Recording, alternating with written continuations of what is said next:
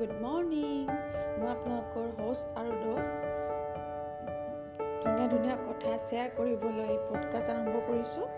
আপোনালোকৰ যাতে good thinking good vibes মই আপোনালোকক আনিব পাৰোঁ তাৰে প্ৰচেষ্টাৰে। আশা কৰোঁ আপোনালোকৰ সকলোৰে দিনটো শুভ হওক। Tech care bye